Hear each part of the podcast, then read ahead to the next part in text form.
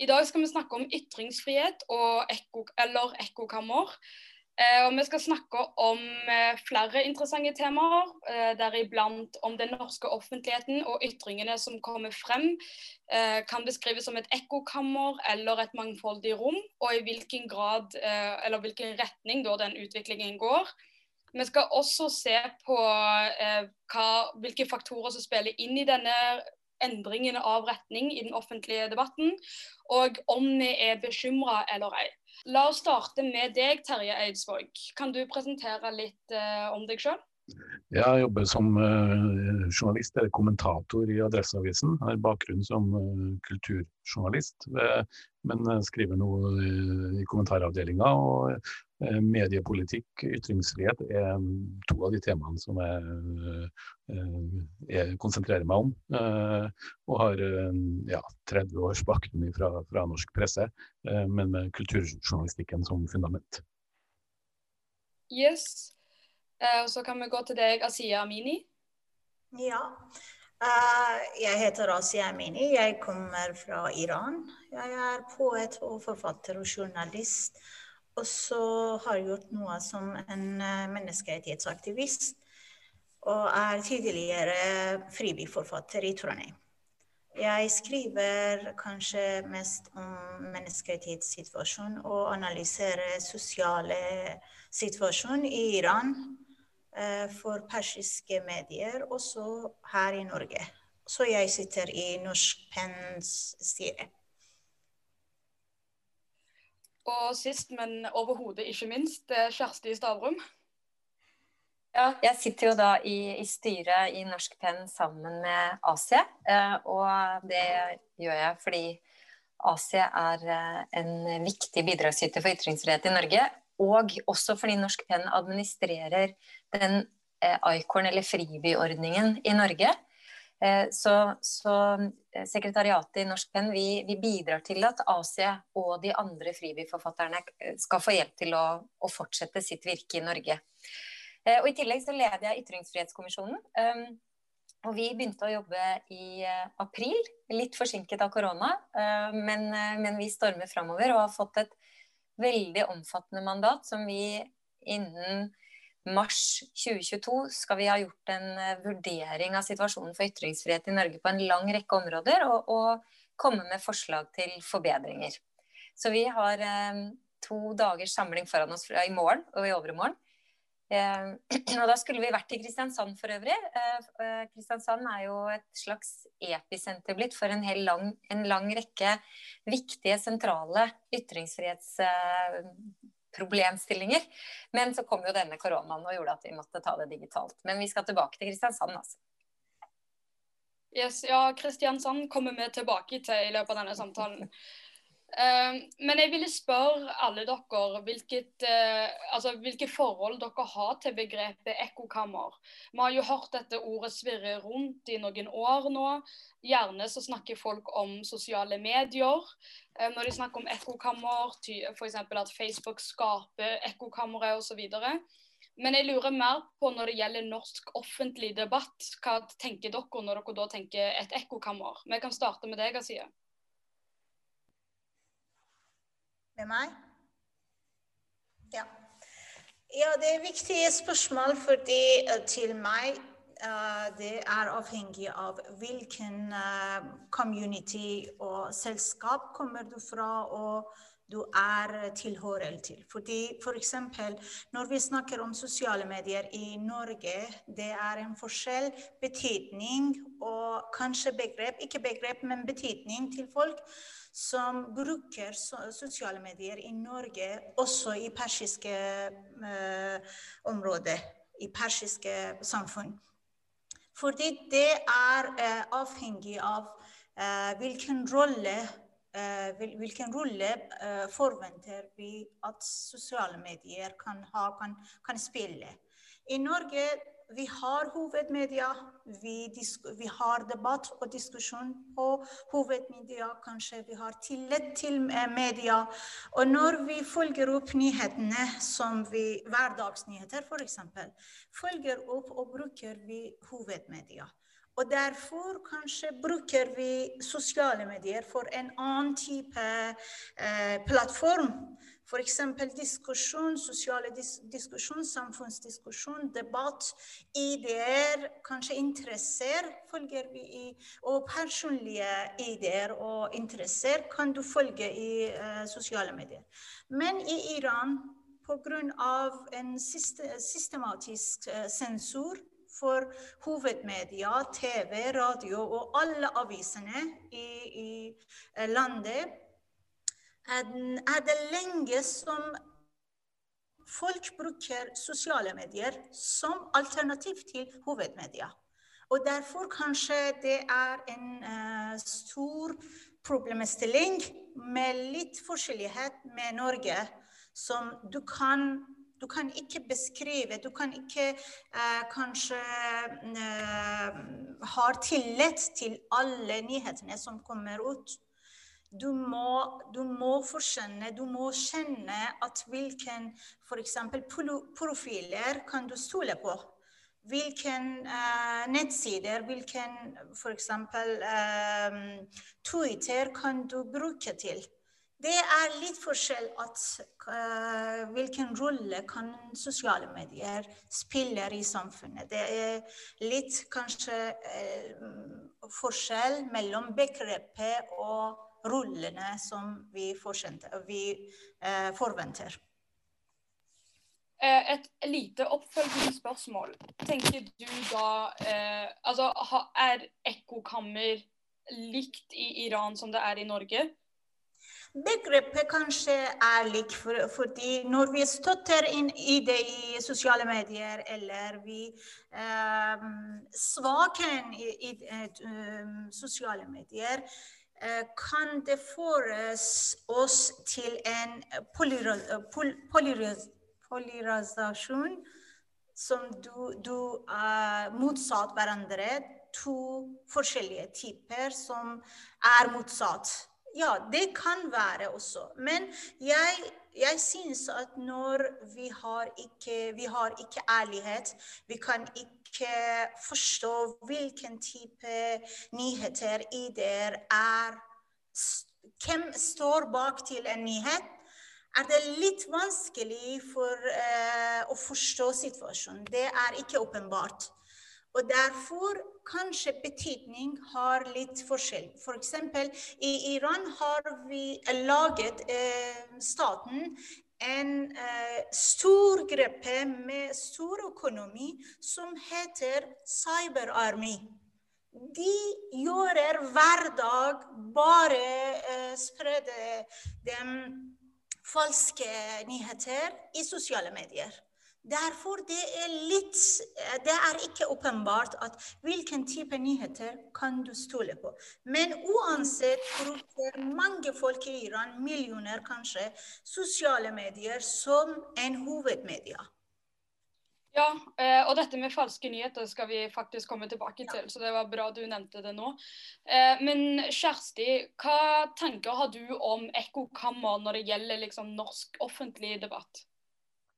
Altså hvis ekkokammer er eh, en situasjon der du i liten grad er kjent med et mangfold av meninger, og du orienterer deg hovedsakelig blant folk som mener det samme som deg, sånn at du blir bare mer og mer skråsikker på at du har rett, eh, eh og ikke blir utfordra på det, så, så, er jeg veldig usikker på om, eh, om ekkokammer er, er, et stort problem i Norge. Um, og det, det, handler også litt om hva vi sammenligner med. Uh, Norge er et land med ganske bred medieflora. Vi har mange lokalmedier. Vi har en sterk uh, allmennkringkaster.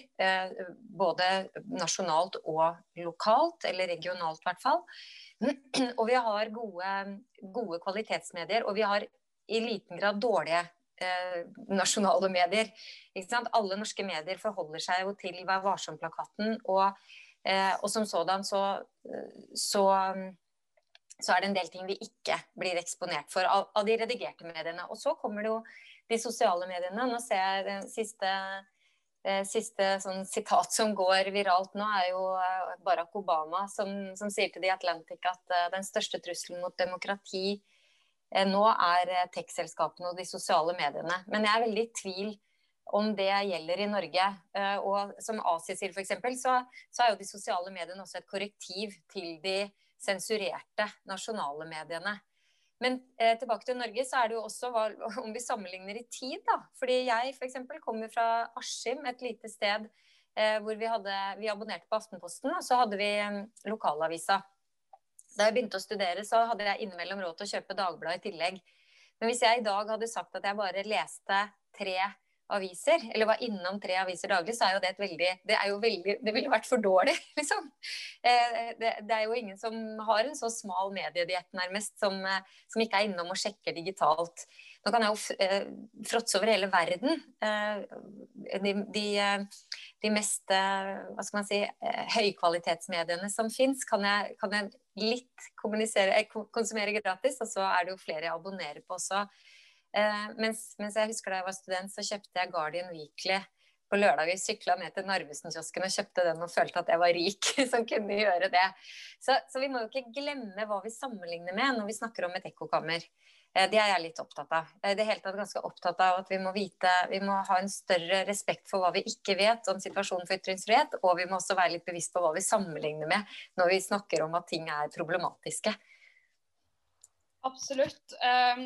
Terje, du jobber jo i en avis. Og veldig ofte så er jo, når man snakker om ytringsfrihet og meningsytringer i offentligheten osv., så, videre, så er jo aviser et veldig sånn hot topic som alle mener burde ta mer ansvar eller mindre ansvar. Kommentarfelt, hele den øh, gjørma, eller hva enn man skal kalle det. Og så lurer jeg på da, sånn rent spesifikt til deg. Hvilken rolle tror du aviser har, om noen som helst rolle, i å skape eller jobbe imot ekkokammer? Eh, jeg tror de fyller en ganske viktig eh, funksjon i dag. Eh, sånn som jeg oppfatter ekkokammer i Norge, så det, mest, det finnes helt sikkert farlige eller betenkelige ekkokammer i Norge, men mest er det et ord som brukes som et skjellsord om de andre. Vi som jobber i såkalt tradisjonelle eller redaktørstyrte medier, bruker det av og til kanskje om, om det som skjer på sosiale medier, og folk med liten tiltro til redaktørstyrte medier, som gjerne kaller oss for M MSN, MSM, mainstream media, uh, oppfatter kanskje noe av det vi gjør som et ekkokammer. Men, uh, men uh, jeg oppfatter at norske aviser har blitt seg veldig bevisst det ansvaret i å bidra til en mangfoldig debatt. Hvis du ser på utviklinga i norsk presse de siste 15-20 årene, så noe av det mest påtagelige Eh, i hvert fall for vi som har vært der hele tida, er, er, hvor mye mer plass debattstoffet har fått, og at man også i mye større grad henter debattstoff fra andre arenaer. Eh, så, den, eh, så jeg oppfatter at Eller jeg mener at, at såkalt tradisjonelle medier spiller en viktig rolle for å bidra til mangfold Eh, i debatten, eh, og ikke eh, skape ekkokammer, men tvert imot jobbe imot det. Ja, altså nå tilhører jo jeg en relativt yngre garde enn dere paneldeltakere her. Så for meg så får jo jeg ofte mine saker fra jeg skal være helt ærlig, sånn Instagram og Twitter osv. Uh, og jeg merker jo veldig ofte, spesielt nå med Instagram-kontoen Rasisme i Norge f.eks., så kommer det jo opp veldig mange saker hvor de er først med å legge det fram, og så kan det hende at større medier da tar det opp etterpå. Og da er jo spørsmålet mitt i og med at Instagram og Twitter og Facebook òg kan brukes som offentlige arenaer til å ytre seg om hva enn, og det kan bli en veldig stor sak, i hvilken grad tror dere dette endrer hvilke type ytringer som løftes frem da eventuelt av større medier, eller bare generelt for norsk offentlighet? Og Vi kan starte med deg, Kjersti. Altså, det er jo ikke noe tvil om at eh, sosiale medier har blitt eh, et, et bed som, eh, som, de redaktørstyrte mediene høster fra. Både når det gjelder å bli oppmerksom på helt konkrete poster og meningsytringer, men også mennesker, aktører. Så det er, blitt, eh, det er, jo blitt, mange flere stemmer i offentligheten. Jeg er veldig enig med Terje at det har forandra seg veldig. Eh, jeg har jo bakgrunn som journalist og, og, og, redaktør. Og jeg tror nok det er riktig å si at eh, motforestillinger og ting vi ikke var så begeistra for, de havna tidvis i det vi kalte det store arkivet, nemlig søppelbøtta. Mens, mens det at vi har fått sosiale medier som en sånn som et korrektiv eh, underveis eh, i, i, hva mediene har prioritert, og hva de har ikke prioritert, har vært, har vært, viktig for utviklingen av, av de redigerte mediene. Så, men, men, der, men, det er jo også mange problemstillinger inni der. At, at, eh, at, mediene kanskje ikke alltid har vært like bevisst på at folk ljuger en del når de legger ut ting i sosiale medier. At det ikke alltid er helt sant. Og, og det at de da blir fanget opp i redigerte medier, gjør at de også blir fanget av litt løgnaktighet, som det er vanskelig å gå tilbake på. Altså, det er jo mange etiske problemstillinger i dette. Men, men, men hovedsakelig har eh, Instagram, som du sier, eh, og til dels Snapchat, men, men særlig Facebook, har jo, har jo, gjort at mange flere har fått lov til å ytre seg og har blitt synlige og blitt løfta fram og fått sine mer enn fem minutter eh, fame i, i, det offentlige ordskiftet. Gudskjelov. Ja, jeg, jeg tror... Nei, fortsett. Ja, nei, jeg, jeg, ser jo mer og mer at de sosiale mediene og de redaktørstyrte mediene lever i en slags symbiose, hvor de høster av hverandre både på godt og vondt. Eh, og Det interessante i ditt spørsmål synes jeg er i hvilken grad de her eh, hitene fra sosiale medier eh, bidrar til en annen type sil om hva slags innlegg eller hva slags debatter som blir løfta frem. Uh, og Der tror jeg nok um, man skal være så ærlig å si at uh, man sitter jo også nå med en helt unik innsikt av hva som blir lest, og hva som ikke blir lest. Og Da kan det jo være skarpe meninger, men det kan også være veldig sånn emosjonelle, personlige historier. så jeg tror nok at, at hva skal jeg si, de erfaringene både på godt og vondt bidrar til også kanskje til en bevisst eller ubevisst dreining av hva slags innlegg som lett, eller hva slags debattanter som lett, lettest slipper til. men men det gjelder over et ganske stort spekter eh, eh, av saker. Men eh, både de sosiale mediene og vi i redaktørstyrte medier har jo også en helt unik innsikt om hva er det som, hva er det som treffer mange, hva er det som treffer sterkt. Så der lærer nok også sosiale og redaktørstyrte medier av hverandre, på godt, men også av og til på kanskje litt dumt eller vondt.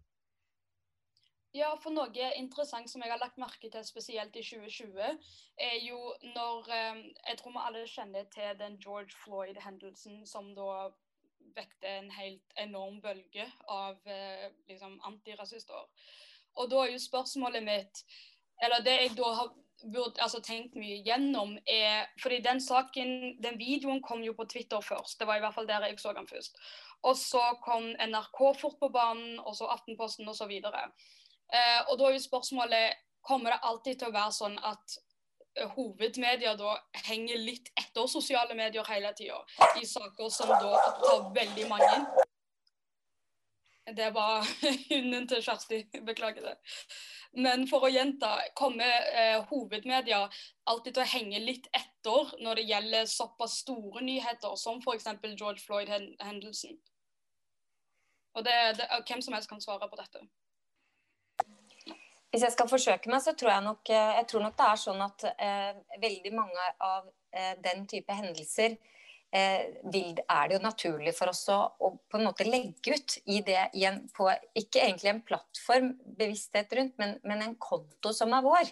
Ikke sant? At vil, det vil være naturlig for meg å legge det ut på min Twitter-konto eller min Facebook-konto. Eh, og, og, så vil det jo gå viralt eller ikke, litt avhengig av eh, liksom, drivkraften i det. Så, så, så, det tror jeg nok. På den annen side så skal vi jo ikke glemme Snowden, som jo helt bevisst holdt alt sitt materiale tilbake. Eh, og ville at uh, The Guardian uh, og Glenn Greenwald skulle gå igjennom det for å sikre de presseetiske vurderingene. Men han var nok mer enn alminnelig bevisst på det redigerte den redigerte kraften i, før publisering. Da jo, som jo Assange eh, har en helt annen tilnærming til. Ja, altså, ja. ja, vær så god. Ja, så er det nok en litt stor forskjell på ulike typer saker. Jeg tror nok Når det gjelder sånn type hendelsesnyheter, breaking news, så vil folk sannsynligvis sitte med, med Instagram, Twitter og, og oppdaterte online-nyheter samtidig. Mens eh, en type saker som er på en måte mer forberedte, eh, annen type Jeg tror på en måte de ulike kanalene vil ha sine største fortrinn, avhengig av hva slags type sak det er. Da. Men klart at når det er sånn type hendelsesnyheter med levende bilder, eh, så er det klart at eh, da er det nok mange som eh, i hvert fall veldig sterkt trekker og ser til sosiale medier. Eh, jeg står kanskje litt utenfor uh, hovedmedia i, i, Norge. Og um, kanskje pga. den syns litt forskjell. Fordi jeg syns at norske medier er litt konservative om noe som handler om mangfold, og noe som handler om minoritet. Du, du, har nevnt til George Floyd og jeg vil nevne til en annen hendelse for 22. Eh, juli, da jeg var ett år har kommet til Norge. Og jeg husker at jeg snakket med en journalist som var oppvokst i Norge lenge fra barndom. Hun var iransk-norsk, og vi snakket på persisk. Hun sa at jeg er ikke overrasket fordi vi var overrasket fordi vi får den uh, følelsen fra rundt oss, fra alle, alle norske uh, mennesker rundt. Men hun sa at uh, jeg er ikke overrasket. Jeg forventer for denne hendelsen i dette samfunnet. Fordi vi har ikke diskutert om masse som den fra for i lenge. Uh, jeg tror at kanskje sosiale medier i denne type den slik uh, ikke-hendelsessak er litt uh, mer åpenbart. Kanskje det, det kan være litt mer presse på gruppene. Det kan kanskje skape to typer mot hverandre. Kanskje litt mer voldsom mot hverandre. Men også det er åpenbart. Vi må nevne at uh, kanskje sosiale medier er mer ærlige om mange som skjer, masse som skjer i samfunnet. Og jeg tror at uh, kanskje uh, norske medier, NRK, alle avisene som Jeg leser ikke alle avisene, men de som vi leser hver dag, er litt konservative om noen saker. Ja, Det er jo også noe som har blitt uh, veldig diskutert um, på sosiale medier. At f.eks. når det kommer opp en sak om rasisme, så er ofte uh, aviser kan uh, vegre seg eller kvie seg for å ta tak i den fordi det er en enkelthendelse, og vi vet ikke om det er store nok tendenser osv. Så, videre. Så det er jo en del sånne Eh, etiske liksom, eh, retningslinjer som aviser må ta hensyn til, som enkeltindivider på sosiale medier ikke trenger å tenke på. Um, men en, angående dette med hvilke type samtaler som kommer på sosiale medier versus uh, hovedmedier, da, det er jo Altså, vi vet jo at nå slipper det jo veldig mange andre typer stemmer til i, eh, i hovedmedia enn det har gjort tidligere. Tidligere var det ofte veldig mye lengre tekster, det var kanskje mindre emosjonelt, altså rent emosjonsbaserte tekster. Eh, kronikker var ofte gjort av akadem akademikere, eksperter osv. Mens nå er det jo veldig personbasert. Du, Aftenposten har jo en egen side for eksempel, til yngre mennesker osv. Og da lurer jeg på altså hvilken grad tror dere at ikke bare hvem som kommer frem, men spesifikt hvilke type stemmer som kommer frem? Og ser dere noen tendenser i hvilken retning stemmene går i? Om de, om de er mer emosjonsbaserte, er de mer eh, ikke aggressive, men krasse toner, kanskje? Eh, har dere noen tanke om hva type stemmer eh, og hvilken retning stemmene går i i hovedmedia da? Det, det som Avdelinga som jeg jobber i, har også debattansvaret. og Det som jeg ser, i alle fall at uh, aldri, og vi kan helt sikkert bli bedre når det gjelder mangfold, men aldri har man i Adresseavisen vært så opptatt av å prøve å få tak i et mangfold. Eh, arrangere skrivekonkurranser, eh, dra, særlig når det gjelder yngre stemmer, kanskje. lage podkast, etablere kontakter i miljøet, få inn gjesteartister. Så, så det, er en større bevissthet om mangfold. Men samtidig så har du jo den erkjennelsen om en ting er å få inn mangfoldet, men man er også veldig klar over hva slags type eh, Eh, debatter eller debattanter som, eh, som, si, som treffer, treffer, flest. Og, og, det trenger ikke nødvendigvis å være i samme retning som denne mangfoldsbiten. Uh, så jeg, jeg, er nysgjerrig på hva, hva det over sikt vil føre til uh, hvem som får mest rom i debatten. Selv om jeg tror den kommer til å bli mer mangfoldig, så kan det godt hende at det blir mer av den typen personlige erfaringer, personlige innlegg. jeg syns jo den miksen er bra, da. At det både bør være rom for kronikker og akademikere og den faglige debatten, men også at vanlige folk ut ifra sine erfaringer kan bidra i samfunnsdebatten. Jeg er helt enig i den beskrivelsen som Terje har. Samtidig så, så tror jeg eh, om framtiden at, at, vi blir eh, mer splintret, i den forstand at vil, det vil bli mindre felles arenaer. Det, altså de fellesarenaene vi nå kjenner for debatt, de tror jeg, eh, de, eh, de tror jeg er Eh, de tror jeg på en måte vil eh, du finner litt rundt forbi i, eh, i framtiden. Det, vil være, det vil være noe her og noe der, og det vil være mer opp til de, de som evner å finne gode debatter, evner å finne gode stemmer. De vil finne dem der, der de er, mens, mens, andre av oss vil kanskje tro at de er der rett foran nesa på oss og går glipp av dem. Så, så det tror jeg kanskje er et, liksom et sannsynlig utviklingsbilde. Da, ikke sant? At det, um, både fordi det er så mange som har mye på hjertet, uh, og, og, mediene fanger ikke opp alle. Og, og det er så mange flere arenaer å, å, ytre seg på. Og dessuten, en ting til er jo også at uh, det å det å være en aktør i den brede debatten vet vi også medfører en viss belastning, om ikke annet en, en bekymring for en belastning, som gjør at mange ikke ønsker å være der som ikke orker, eller som en, eh, en bekjent av meg sa, hun hadde ikke tid til å delta i Dagsnytt 18 for at hun skulle ha en, en hyggelig helg hjemme. Hun hadde, orket, hadde, ikke tid til å ta alt som hun visste denne debatten kom til å generere i sosiale medier. Så, eh, men, men, eh, men, allikevel så vil jeg nok mene at den, de stemmene som eh, er der nå, de, de, var ikke der før. Da måtte man nærmest ha en professortittel for å kunne ha kronikken i Aftenposten, og det er det jo unntaksvis nå.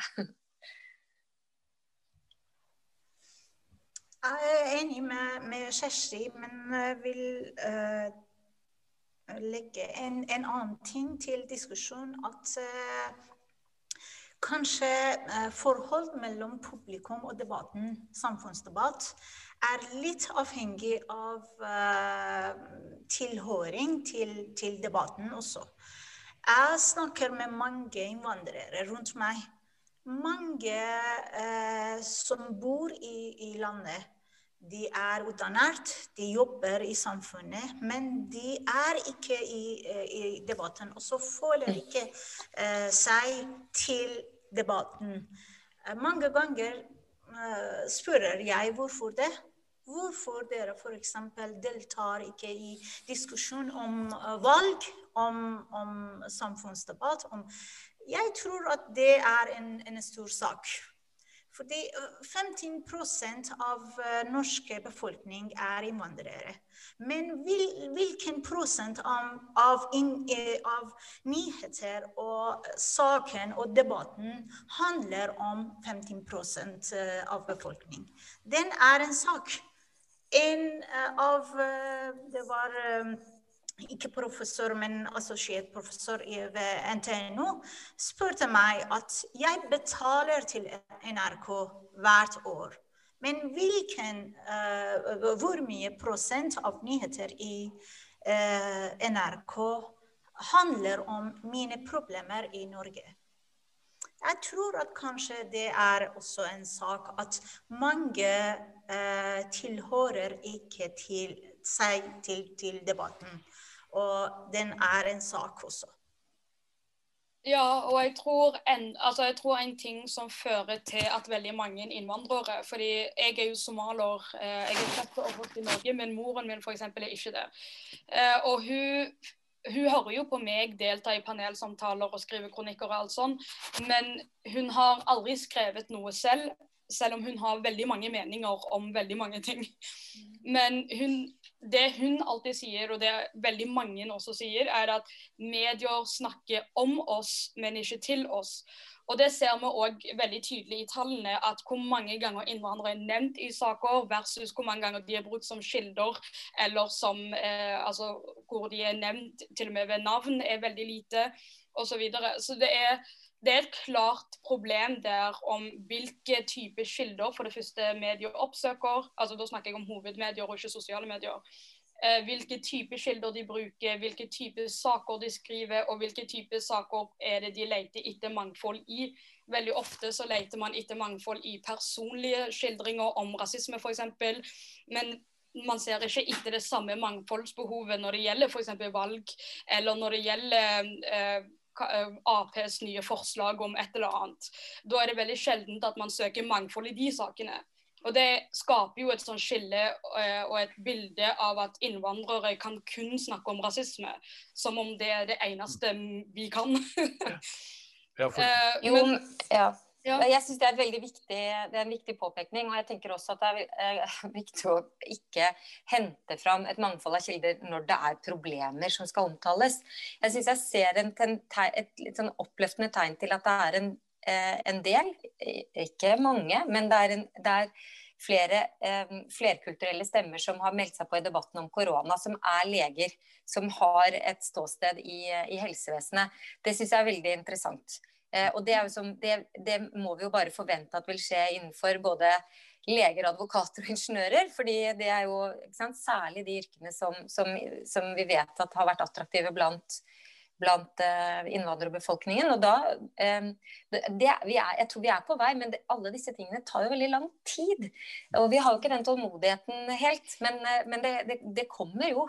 Jeg tror det det er nok et dilemma eller et paradoks at uh, jeg tror det er ekstrem åpenhet for å, gi plass til et mangfold av stemmer. Men, eh, men, for at du skal komme et steg videre, så må du også ha mer mangfold på si, de faste plassene.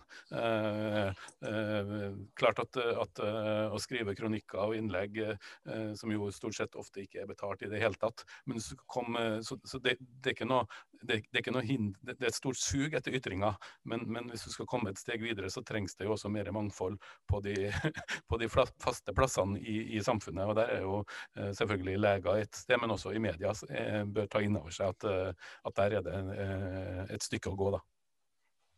Ja, jeg tenkte egentlig ikke å nevne eh, mangel på mangfoldige spaltister osv., fordi der er det jo enda mer grimt enn det det er ellers. Eh, men det er jo så klart et nevneverdig problem, for det òg betyr jo noe om hvem som får regelmessig ytre seg i forskjellige saker. Eh, noen saker er jo notorisk kjent for å være veldig vanskelig å diskutere i offentligheten eh, uten å skape vel, altså veldig voldsomt trykk i kommentarfelt eller i generell debatt. Eh, ofte i, på bekostning av kronikkforfatteren eller personen som har tatt opp saken, gjerne spesielt hvis det er en minoritet. Eh, det, altså eksempler på slike tema er jo rasisme, sexisme, eh, islamofobi, om absolutt. Eh, men da lurer jeg på hva er konsekvensene av å ha noen temaer som er nærmest umulige å røre ved, om vi kan bruke et sånt uh, begrep? Uh, og hva tror dere kan være noen løsninger mot det framover? Vi kan starte med deg, Terje, siden du jobber med aviser. Ja, i Trondheim så kan man for så vidt føye til sykling også på, i den rekka over ting som virkelig setter fyr på debatten. Men, men det, er, det, er, jo i motsetning til f.eks. Uh, islam, da, uh, så er jo det et uh, tema som genererer mye aggresjon og sikkert mye sinne, men også som, som uh, er, er, populært fordi at det gir engasjement. Uh, så eh, Nå ser man jo at eh, en del aviser så er jo kommentarfeltene enten forsvunnet eller mer eh, moderert enn de har vært tidligere.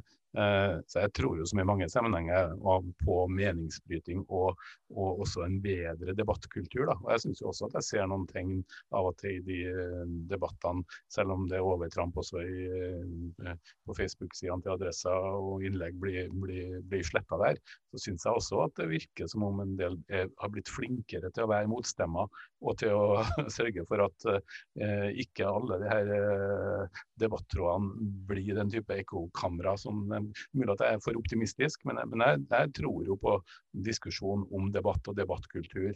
Uh, og meningsbryting uh, er den eneste veien. For jeg, jeg, ser ikke så mange andre muligheter til å, til å bedre situasjonen.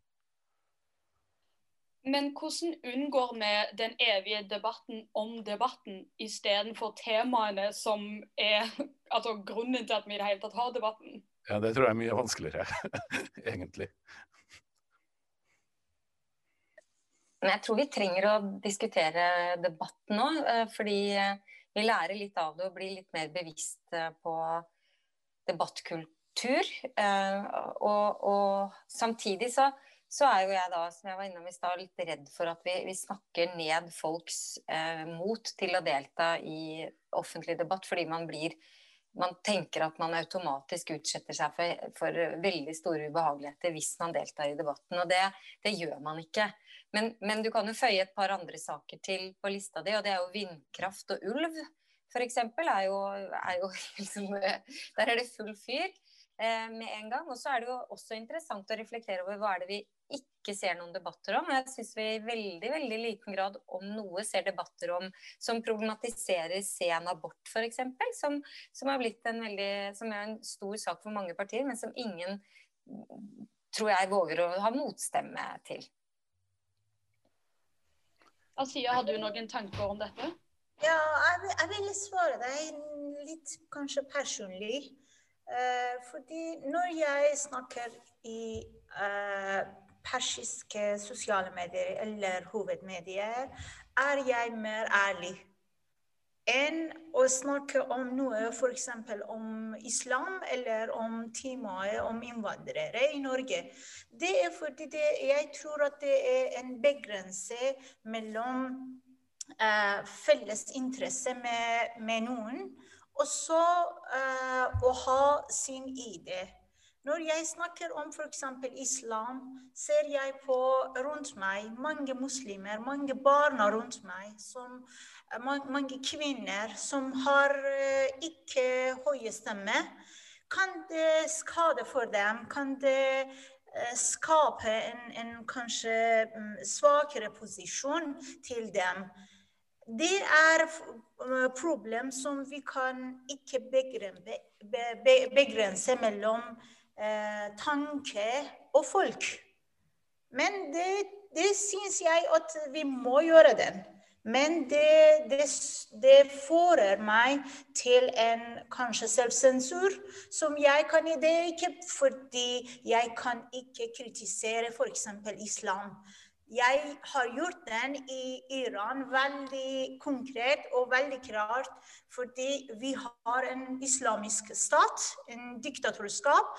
Og i en um, politisk uh, situasjon kan du kritisere veldig tydelig. Men når du har folk rundt, rundt deg som kanskje har ikke så mye makt, Bekymrer du at kritiseren i det som de tilhører til dem, kan, kan skade dem? Vet du hva, hva mener eh, jeg? Det, det får eh, jeg og kanskje noen annen for å tenke på for å diskutere og delta i en diskusjon om, om, om islam. Men i persiske medier, i Irans, eh, Irans situasjon, kritiserer jeg veldig tydelig. Ja, jeg kan si selv eh, Jeg skrev en bok i 2019 eh, om å forlate islam. Eh, og da var jeg veldig redd. Altså, da var jeg ikke redd fordi noe skulle skje, men jeg var redd for hva folk skulle tenke, hva muslimer tenkte, og hva ikke-muslimer skulle tenke. Og da jeg tenkte på å skrive kronikk i forkant av boken, var, drev jeg med veldig selvsensur i starten. Jeg var veldig redd for kommentarfeltene. Var, fordi selv om noen kommentarfelt er stengt, sånn som Terje nevner, så kan jo folk fortsatt kontakte deg på personlige meldinger. ikke sant? Folk kan sende brev til deg, for vi har jo alt av adresse helt åpentlyst i Norge. Så det er jo fortsatt en del eh, Det er jo en del du må gjøre deg selv eh, forberedt på, da, som spesielt for meg, da, som er en svart lesbisk kvinne i Norge, som fortsatt har noe å si. Det krever jo en del å liksom gå ut og si jeg har forlatt islam, ja, jeg er lesbisk, ja, jeg skal snakke om dette offentlig. Selv i Norge så krever det en del. Eh, og spesielt før Jeg merker spesielt liksom skillet mellom da jeg først skrev en kronikk om rasisme i Norge, som var en veldig sånn Jeg er veldig takknemlig for Norge og bla, bla, bla, men rasisme for, finnes fortsatt. Der også fikk jeg veldig masse trykk i mine personlige meldinger. Eh, heldigvis så klarte Dagbladet å rydde en del i kommentarfeltet og sånn, så jeg så ikke så veldig mye av det. Men jeg fikk jo personlig brev hjem hvor de kalte meg N-ordet over en lav sko. Det var veldig masse trykk, og dette er, veldig, dette er noe jeg hører om og om igjen fra medkronikkforfattere som skriver om helt andre ting. De kan skrive om skole, de kan skrive om barnevern, hva enn det gjelder, men de får fortsatt en del trykk, i, spesielt i sine egne personlige meldinger. For du står jo ofte med fullt navn, og da er det jo veldig lett å finne deg i et land som Norge. Så det er fortsatt jeg, jeg, er veldig optimistisk til den offentlige debatten, og det er jo gjerne derfor jeg også deltar i den. Men jeg, også, jeg vegrer meg litt for å være for optimistisk og for å eh, skjønnmale det for mye. Fordi det er fortsatt en god del eh, ting der ute som man må være forberedt på når man selv, spesielt hvis man skriver personlig, da, sånn som jeg gjør. Eh, og hvis man til og med ikke gjør det Jeg har jo masse eh, bekjente som er journalister, som ikke skriver saker om seg selv engang, eller sine tanker, men som likevel får veldig mye rasistisk i sine innbokser, både på jobbmail og personlige mailer. Så det er, fortsatt, det er fortsatt slik at om du er minoritet i Norge, om, er, altså om du er en seksuell minoritet, eller om du er eh, en del av urbefolkningen, altså samiske mennesker i Norge, eller om du er svart eller hva enn, det går fortsatt en del på altså det går, Du snakker på bekostning av deg selv til en viss grad fortsatt i Norge i dag. Og det er jo en sannhet vi ikke kommer unna. Eh, det er jo helt tydelig at det fortsatt finnes rasisme i Norge. Og det er jo helt tydelig at den rasisme påvirker da spesielt minoriteter som uh, ytrer seg i offentligheten. Og da enda verre hvis du ytrer deg om islam eller rasisme eller andre betente temaer. da. Så det er jo helt åpenbart fortsatt et problem i norsk offentlighet. Eh, men en ting jeg også lurer på, er nå som jeg, nå som jeg har sagt dette med at det, du, du, ytrer deg litt på bekostning av deg selv, er det slik at er det noe avisene kan gjøre for å minimere denne skaden da, som kan skje på din egen syke når du ytrer deg offentlig? Meg eller Terje? Hvem som helst kan svare på dette. Vær så god, Eh, ja, jeg, jeg, tror jo man, eh, i alle fall de som eh, sitter og, og hva skal jeg si, kuraterer debatten, og det vet jeg jo at mine kollegaer også gjør. Hvis de, hvis de uh, får et debattinnlegg, særlig av en ung person, og ser at det her, det her kan trigge mye, så, så, så, så hender det jo at, at, det går noen runder frem og tilbake. I hvert fall for å gjøre avsender av og til klar på risikoen. Og så, kan man jo røkte debattfeltet. Men det er jo noe det, noe det som er det verste med, med all debattkultur, er jo når du opplever, og jeg har heldigvis opplevd det ganske få ganger siden jeg er eh, mann og tilhører en majoritet, men, men også enkelte tema at du, du, merker at her er det, her er det en, en, samkjørt aksjon som ønsker å ramme deg fordi at du har eh, ytra noe som noen eh, enten er provosert av eller ikke liker. Det er kjempeproblematisk. Og så har du den andre sida som jeg også syns er litt problematisk, når jeg opplever at noen ønsker å moderere debatten eh, og kommer og sier at vedkommende må ikke få slippe til, for vedkommende har uh, gjort noe som har vært helt ekstremt, eller skrevet noe ekstremt tidligere. Jeg mener også at det er viktig å ta folk på ordet, eh, og at man ikke skal være diskvalifisert for å være med i debatten hvis man, hvis man oppfører seg ordentlig.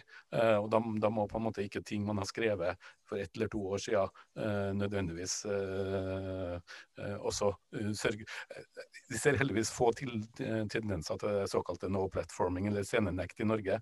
Men jeg oppfatter at, at det er noen små tendenser der også som, er, som gjør meg bekymra. Og det er det andre ytterpunktet. Eh, jeg syns det er viktig å ikke skjønnmale situasjonen, og særlig er det ikke opp til, eh, til sånne som Terje og meg egentlig å gjøre det. Det er jo i tillegg til det du eh, beskriver, Alvon, så, så, så, sier jo PST i sin siste nasjonale sikkerhetsvurdering at, at angrep på folkevalgte er jo blitt Det, det vurderer de jo som en, som en sikkerhetsrisiko, og, og som som gjør at folk vil trekke seg fra å være valgbare da, i det norske samfunnet. er klart at Det er jo det er et stort alvor knytta til. I går var det vel flere av oss som hørte om hun som da har samme navn som statsministeren f.eks., som nå ikke orker å hete Erna Solberg lenger, og som skal bytte navn. og Det er jo et veldig talende eksempel på en, en situasjon som, eh, som vi må bare beundre at noen orker å stå i. Og så pågår det jo i Norge også en debatt rundt, eh, rundt ytringsfrihet. Noen, vi som jobber i media vet jo at ytringsfriheten har sine, sine, begrensninger. Noen tror jo at ytringsfrihet innebærer at man kan si hva som helst om hvem som helst, hvor som helst. Og så har det en, vært en debatt knytta til den såkalte rasismeparagrafen, som setter noen grenser eh, knytta opp mot eh, hatprat og, og hatefulle ytringer mot, mot spesielle grupper. Jeg, jeg, jeg er veldig for ytringsfrihet men jeg ser veldig gode grunner til at eh, Jeg, jeg tror den paragrafen, eh, i hvert fall i dagens situasjon, har en fornuftig funksjon, da, selv, om, eh, selv om det ikke har vært så mange saker knytta til den ennå. Ja, eh, nå har det jo vært eh, Jeg lovte jo i stad at jeg skulle komme tilbake til denne Kristiansand-saken. så da kan vi jo ta den nå. Eh, det har jo vært eh, altså Kristiansand er jo én ting, eh, dette med hakekorset og alt det. Og den saken som lå for Høyesteretten er jo én sak. Men så har det jo også vært en litt større debatt rundt ytringsfrihet. Noen mener at den, skal, den delen som beskytter minoriteter skal styrkes enda mer. Mens andre mener at den delen som styrker ytringsfriheten skal styrkes enda mer. Og dermed da Altså, det blir jo da en begrensning av den der delen som beskytter minoriteter. Og da er jo spørsmålet mitt for det første, Hva tenker dere om Kristiansand-saken? Men òg sånn på et sånn litt sånn større plan. Hva, kan, hva er de eh, konsekvensene som kan skje hvis ytringsfriheten eh, skal utvides noe, og dermed da den minoritetsbeskyttelsen da begrenses noe? Hvilke utfordringer tror dere det kommer til å ha til ytringsfriheten når det gjelder offentlig debatt? Vi kan starte med deg, Kjersti. Ja, nå eh, kom jo Høyesterett eh, for et par uker siden til en kjennelse i det de har kalt en nedre terskel for, eh, for brudd på paragraf 185, da, eller hatparagrafen eller rasismeparagrafen. Og det var jo da en kvinne som nattestid, det skjer jo ofte da, ytrer på Elverum til en person jævla utlending, ha deg tilbake til Afrika, der du kommer fra. Uh, og, og, den uh, er jo da ble da hun, ble dømt i, um, i, tingretten, frikjent i lagmannsretten, men ble nå da dømt i, i Høyesterett for det. Uh, og jeg, det er mye debatt, som Terje sier, om, om paragraf 185. og det er kanskje ikke så rart, fordi i et land hvor vi, vi er veldig opptatt av ytringsfrihet, vi diskuterer det mye, vi, det er jo saker hver uke med nye innfallsvinkler rundt dette. Og, eh, og det gjør at mange tar det som en selvfølge at de skal kunne si hva som helst, og, og, kanskje mangler forståelse for hvilke grenser som faktisk gjelder. Og jeg tror også at formuleringen i paragraf 185 ikke er spesielt egnet for, for den jobben den skal gjøre, nemlig at folk flest skal forstå hva som ikke er lov. Det at det for er dette ordet ringeakt, som aldri blir brukt annet enn når vi siterer lovparagrafen, det er ikke gunstig for en paragraf som har blitt så sentral. Eh, og det er den jo blitt nettopp fordi alle ytrer seg nå på en helt annen måte enn før. Før så kunne advokatene eh, forstå den, men nå må folk flest forstå den. Og det, det, sånn sett så er den ikke, syns jeg formuleringen ikke er seg ennå da. Men det blir jo litt sånn, ja. Det blir jo en annen side av det. Mm. Asiye, hva tenker du? Jeg syns at eh, det som vi gjør nå, må fortsettes. Eh, det, er, det, det som du sa, eh, viser en bipolar situasjon. Og det er fordi alltid som ekstremister har høye stemmer, den skjer.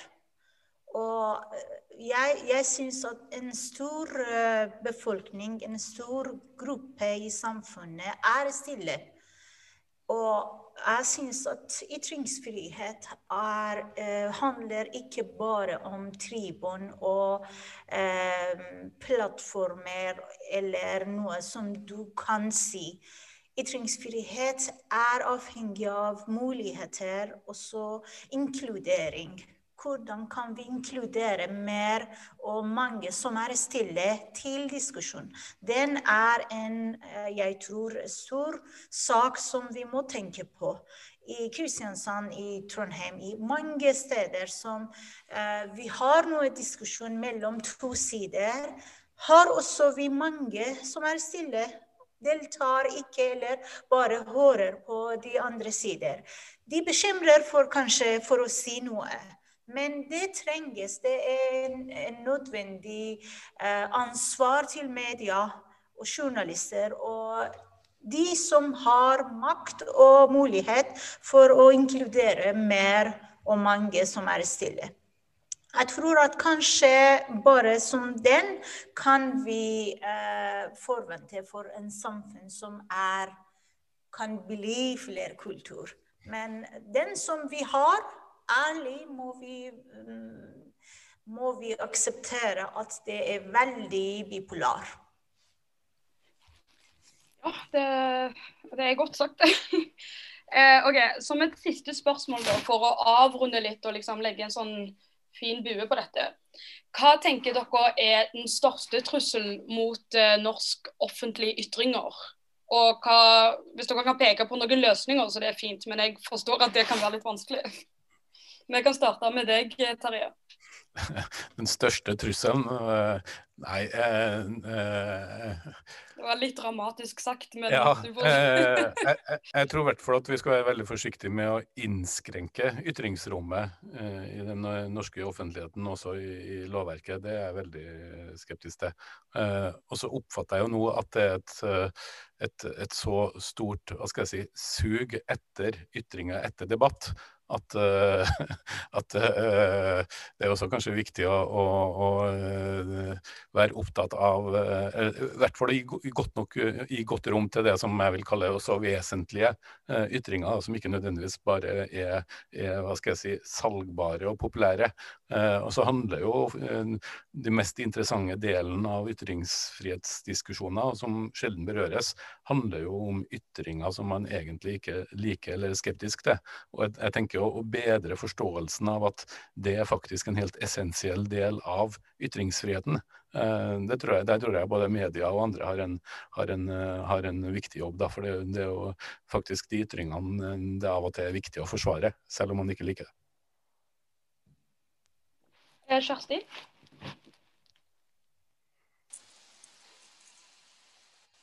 Der forsvant bildet. Sånn, ja. ja um, det Terje sier er veldig viktig. Jeg tror vi, vi trenger litt som en sånn kronisk kursing i hva ytringsfrihet egentlig er. At ytringsfrihet er ikke å si alminnelige ting. Altså det, er, det er ikke der ytringsfriheten slår inn.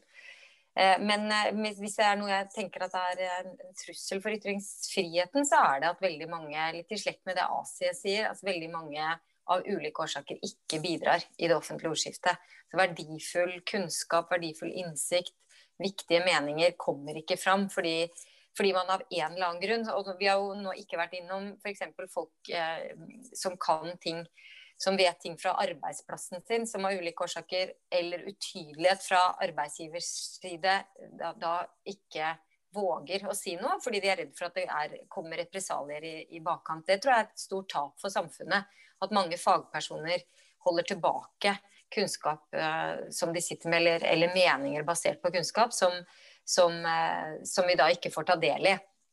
Så det, det, det tror jeg, det, det tror jeg uh, er, er, noe vi skal være liksom litt lei oss for. da. For sånn vil det alltid være. Det vil alltid være mange som av en eller annen grunn ikke meddeler seg. Ja, det er jo veldig viktig å nevne. Spesielt Jeg husker jeg følte den saken med Oslo-skolen.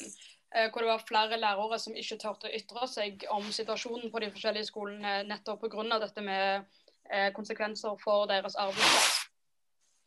Asiye, har du noen tanker om hva som truer vårt ytringsfrihet? Ja, Det eneste som jeg ville legge til, var at kanskje situasjonen i Norge er veldig Det er ikke bare norske kanskje problemstilling, det er verdens problemstilling.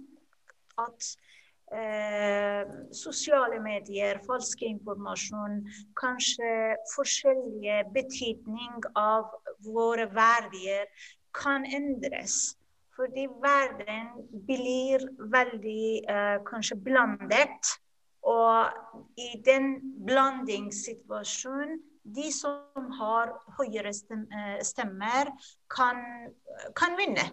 Det, det, det er uh, veldig sannhet som de kan vinne. Uh, og den er troet til våre verdier, og ikke bare om demokratiet eller noe. For humanistiske verdier. F.eks. jeg kan gi deg bare et eksempel. Når vi uh, i Iran etter revolusjonen uh, for ti år siden opplevde vi at sikkerhet var i fare. Fordi vi, har, vi, vi hadde konflikter, politiske eh, konflikter i landet. Vi hadde en krig med, med naboen. Vi hadde masse problemer og, og konflikter i landet. Pga. konflikter kunne staten eh, undertrykke ytringsfriheten for lenge så langt. Det betyr at f.eks. vi opplever når sikkerhet, eh, sikkerhet, trygghet til folk er hovedsak, kan vi mm, eh, miste noen andre verdier. Vi må passe på at de er, de er parallelle. De er ikke under hverandre. Våre verdier i demokratiet, ytringsfrihet, er i parallelle med trygghet, med sikkerhet, med, med alle. Jeg, jeg, tror at den skjer også i, ikke bare i Frankrike, i USA eller i f.eks. i Storbritannia. Den skjer også i, i Norge. Så mm. mange ganger vi bekymrer om ord og ytring pga. en annen sak som vi, vi ser at den er viktigste. Men jeg tror at demokratiet står på ytringsfrihet og alle verdigheter og alle humanistiske verdier. Lik, eh, likestilling, ytringsfrihet og de andre. Og jeg, jeg syns at det, den må kanskje diskuteres mer. At uh, hva er farlig til ytringsfrihet i framtiden, ikke bare nå. Absolutt. Eh, og jeg håper virkelig at om det ikke blir oss, at det blir andre som tar denne samtalen videre. Nå løper tiden litt ifra oss, det er jo veldig trist, for jeg kunne snakket om dette i flere timer. Men tusen takk for at dere var med på denne samtalen i dag. Eh, og tusen takk for dere som ser på hjemme. Jeg håper dere snakker om dette på middagsbordet, fordi vi må alle ta del i ytringsfriheten vår. Så tusen takk. Og så håper jeg vi ses igjen.